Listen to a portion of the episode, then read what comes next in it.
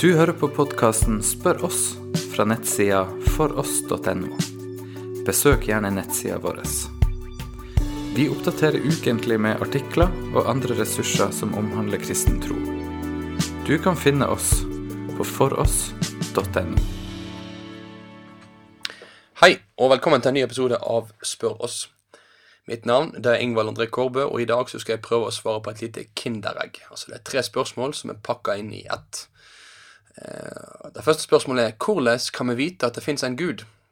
Det andre er og om Gud fins, hvordan veit vi at Bibelens Gud er den rette Gud? Og det tredje er og om han er det, hvordan veit vi at vi har tolka Bibelen rett i de sentrale tingene som vi forkynner? Ja, det er jo tre store og omfattende spørsmål vi har å gjøre med her.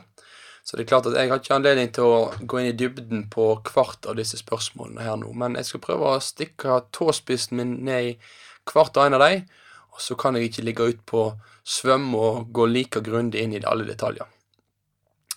Eh, Men til det første spørsmålet så eh, vil jeg gi to ulike knagger, altså to grunner til å kunne hevde at ja, jeg tror at det, det finnes en gud.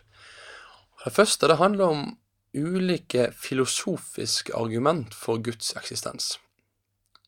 Dette her det er ikke sånne vitenskapelig bevis, men det er sånn at disse argumentene til sammen bygger opp et godt grunnlag for å kunne hevde at det å tro på Gud i aller høyeste grad er plausibelt. Det er ikke sånn at det å tro på at det er en skikkelse som står bak denne verden, er et resultat av at en ikke bruker hodet sitt, eller at en er en tosk. Tvert imot så er det sånn at det er mange tenkere, både opp gjennom historien og i dag, som nettopp gjennom å se på verden og reflektere rundt det en ser og opplever, kommer til den konklusjonen at det må være noe guddommelig som står bak. Og På forhånds.no så har vi annet en artikkel av Yngve Litleskar aleine med tittelen 'Eksisterer Gud', som gir en liten innføring i noen av disse gudsargumentene. Nå skal ikke gå gjennom alle disse ulike nå, men jeg kan kort nevne ett av de som er det kosmologiske argumentet. Og det argumentet det bygger på de to premisser at alt som begynner å eksistere, har en årsak, og at universet har begynt å eksistere. Og Dermed så må det òg være sånn at universet da har en årsak utenfor tid og rom, og det er da dette her vi tenker at det er Gud som er. Den andre knaggen som, som jeg vil nevne til dette første spørsmålet, om hvordan vi kan tro at det finnes en Gud, eh, da, det handler om våre erfaringer. Eh, og jeg vil bare helt i starten nå si at jeg mener at vi skal være veldig forsiktige med å plassere en merkelapp på alt som er uforklarlig i denne verden, og ukjent, og si at enten så er det automatisk noe som er fra Gud, eller er det noe som er demonisk. Em, det har nok da vært en, en tendens til at en kan ha gjort litt opp gjennom historien, at han har, han har gitt en guddommelig eller en, en demonisk forklaring på det uforståelige. Men samtidig som jeg har sagt det, så, så mener jeg òg at eh, erfaringer med det uforståelige helt klart er noe som styrker min tillit til at det er noe mer enn den synlige verden som faktisk er sant, som faktisk er virkelighet. Og et konkret eksempel på dette det handler jo om helbredelse, der mennesker gjentatte ganger, både i vår tid og opp gjennom historien, vært friske etter forbønn, selv om det ikke er noen medisinske forklaringer på hvordan disse personene kunne bli gode igjen. Og Så vil noen i den sammenhengen her kanskje da innvende da at de vil heller bruke det som et argument mot Guds eksistens. Nemlig at det er noen som kanskje har hatt erfaringer av at de sjøl har bedt inntrengende over lang tid om en konkret sak, f.eks. at noen må ha blitt frisk igjen, men så har ikke det skjedd her på jorda. Og Da kan noen begynne å tenke at nei, men når ikke dette skjer, da kan ikke Gud være til. Men, men saken er at det er ingen garanti eller løfte, verken Bibelen eller andre plasser, om at, at Gud vil svare sånn som vi ønsker på våre bønner. At vi dermed kan automatisere det at hvis jeg bare ber om at noen skal bli frisk, så skal de bli friske. Og hvis ikke de blir friske, så eksisterer ikke Gud. Derfor så kan ikke vi si at når vi ikke ser Guds inngripen i disse situasjonene, så er det et argument mot Guds eksistens. Men, men motsatt vei så vil jeg si at ja, når vi faktisk ser at, at her skjer det noe, ja, så vil jeg si at det er noe som peker i retning av at Gud, han er faktisk til. At det er en Gud som har makt, som griper inn i vår verden. Det er et vitnesbyrd om at han er den sanne Gud. Så ja, jeg, jeg er overbevist om at det, det, er en Gud. Og Det andre spørsmålet har vært da, hvorfor er Bibelens Gud den, den sanne Gud? Og For meg personlig så har jeg iallfall tre hovedgrunner for å tro på Bibelens budskap. Og dermed tro på at det er Herren som vi møter der, som er den virkelige Gud. Og Disse tre grunnene de henger, de, sammen. Det er på mange måter som tre tråder som er fletta i lag, og som jeg mener at er et sterkt grunnlag for å tro på Bibelens Gud. Og Den første tråden da, det handler om at Bibelen sjøl gir seg ut for å være autoritativ, og dermed lære oss sannheten om Gud. Et eksempel på dette her finner vi i 2. Timoteus brev kapittel 3 og vers 14 og utover. Men gjentatte ganger gjennom Bibelen så kan vi se hvordan Bibelen gir krav på å lære oss sannheten om Gud, himmels og jordens skaper. Og Den andre tråden den handler om, om Den hellige ånds vitnesbyrd. Nemlig da at jeg sjøl har fått erfart at Bibelens budskap faktisk er sant. Den kristne trua den har en sterk erfaringsdimensjon. Og, og da at jeg sier at jeg tror på Jesus, da, det er jo nemlig sånn at jeg, jeg tror heller ikke da at jeg begynner å tro etter at jeg har gjort mine nøye overveielser, så bestemmer jeg meg sjøl til slutt. Nei, jeg, jeg, er faktisk overbevist om at det er Gud som ved Den hellige ånd skaper trua på Jesus i mitt hjerte, når jeg blir utsatt for Guds ord igjen og igjen og igjen. Og dette her det er faktisk ganske viktig å ta med seg, og i møte med det å fortelle andre mennesker om Jesus. For det er ikke sånn at jeg kan argumentere folk til å bli en kristen. Altså, jeg kan vise til gode argument, og jeg kan være, være med og vise til gode argument som kan være med å fjerne hinder som holder mennesket vekk ifra, fra Guds ord ifra Gud, men, men til sjuende og sist så er det Gud som må gripe inn og skape trua i et menneskehjerte gjennom det ordet som jeg får være med og dele om Jesus. Så jeg vil faktisk for det andre si det at ja, jeg tror at Bibelens Gud er den sanne Gud fordi jeg har erfart det. Fordi Han har skapt trua på Jesus i mitt hjerte ved sin ånd. Og Så kan det være sånn at disse to første trådene som jeg nå nevner, det, er noen tråder som òg personer fra andre religioner vil kunne ta til inntekt for sitt standpunkt. Mange vil være enige om at eh, de tror på sin Gud, for at det, det står om han er i bok, og de opplever at det som står der, det faktisk er sant. For eksempel så kan du spørre en mormoner, en som er medlem i Jesu Kristi kirke av de siste dagers hellige.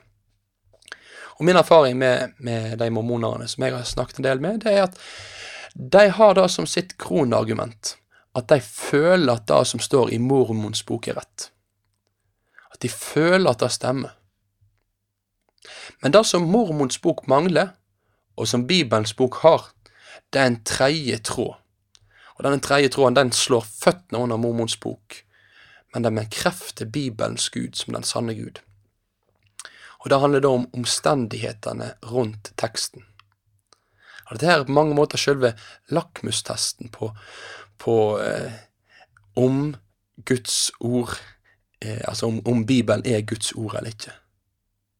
Og da handler det, For oss så handler det da framfor alt om det sentrale budskapet om Jesu død og oppstandelse. Det er da vi må begynne med å etter. ok? Er dette her noe som er, er troverdig eller ikke? Og Når vi tar fram Bibelens framstilling av Jesu liv og Jesu død og Jesu oppstandelse, så er det mange gode grunner for å hevde at det er stor historisk sannsynlighet for at dette faktisk har skjedd.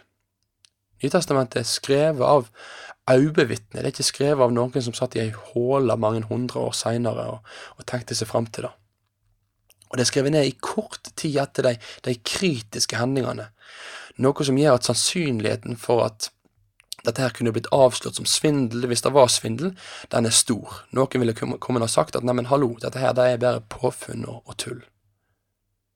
Og de som har skrevet ned dette her, og de som var overbevist om sannheten om Jesu døde oppstandelse, Det var ikke sånn at den overbevisningen var noe som gav dem en status i samfunnet, eller gav dem stor rikdom eller et trygt liv.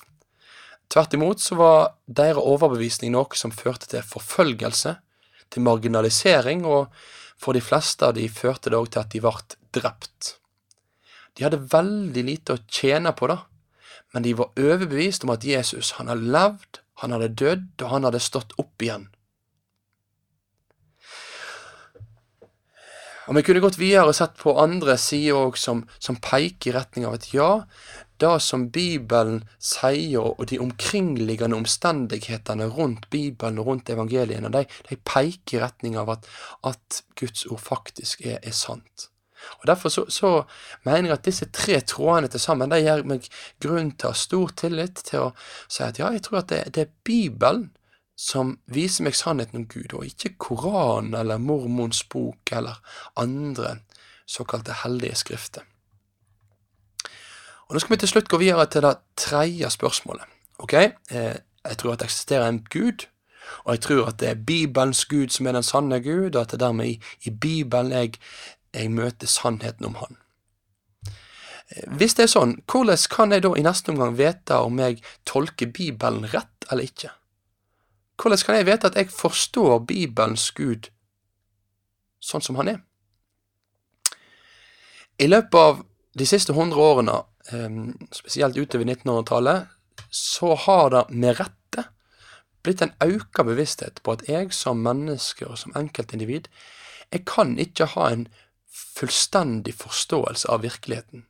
Altså, jeg er preget av min bakgrunn, av min kultur, av den jeg er. Jeg har briller som jeg ser virkeligheten gjennom, som preger hvordan jeg ser virkeligheten.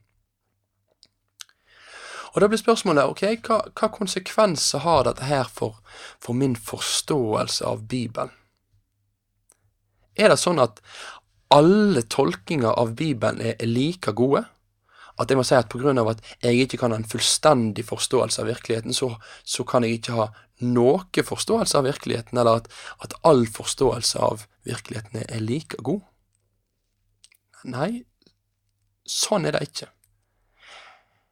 Jeg mener at vi absolutt må kunne gjøre et skilje mellom gode og dårlige tolkinger av både enkelttekster i Bibelen og det bibelske budskapet i sin helhet. Og dette her, det handler faktisk om at jeg faktisk tror at det er mulig for meg som bibelleser å finne ut noe av hva den opprinnelige forfatteren har meint gjennom den teksten han har skrevet. Og av og til så er dette tydeligere eh, enn i andre situasjoner.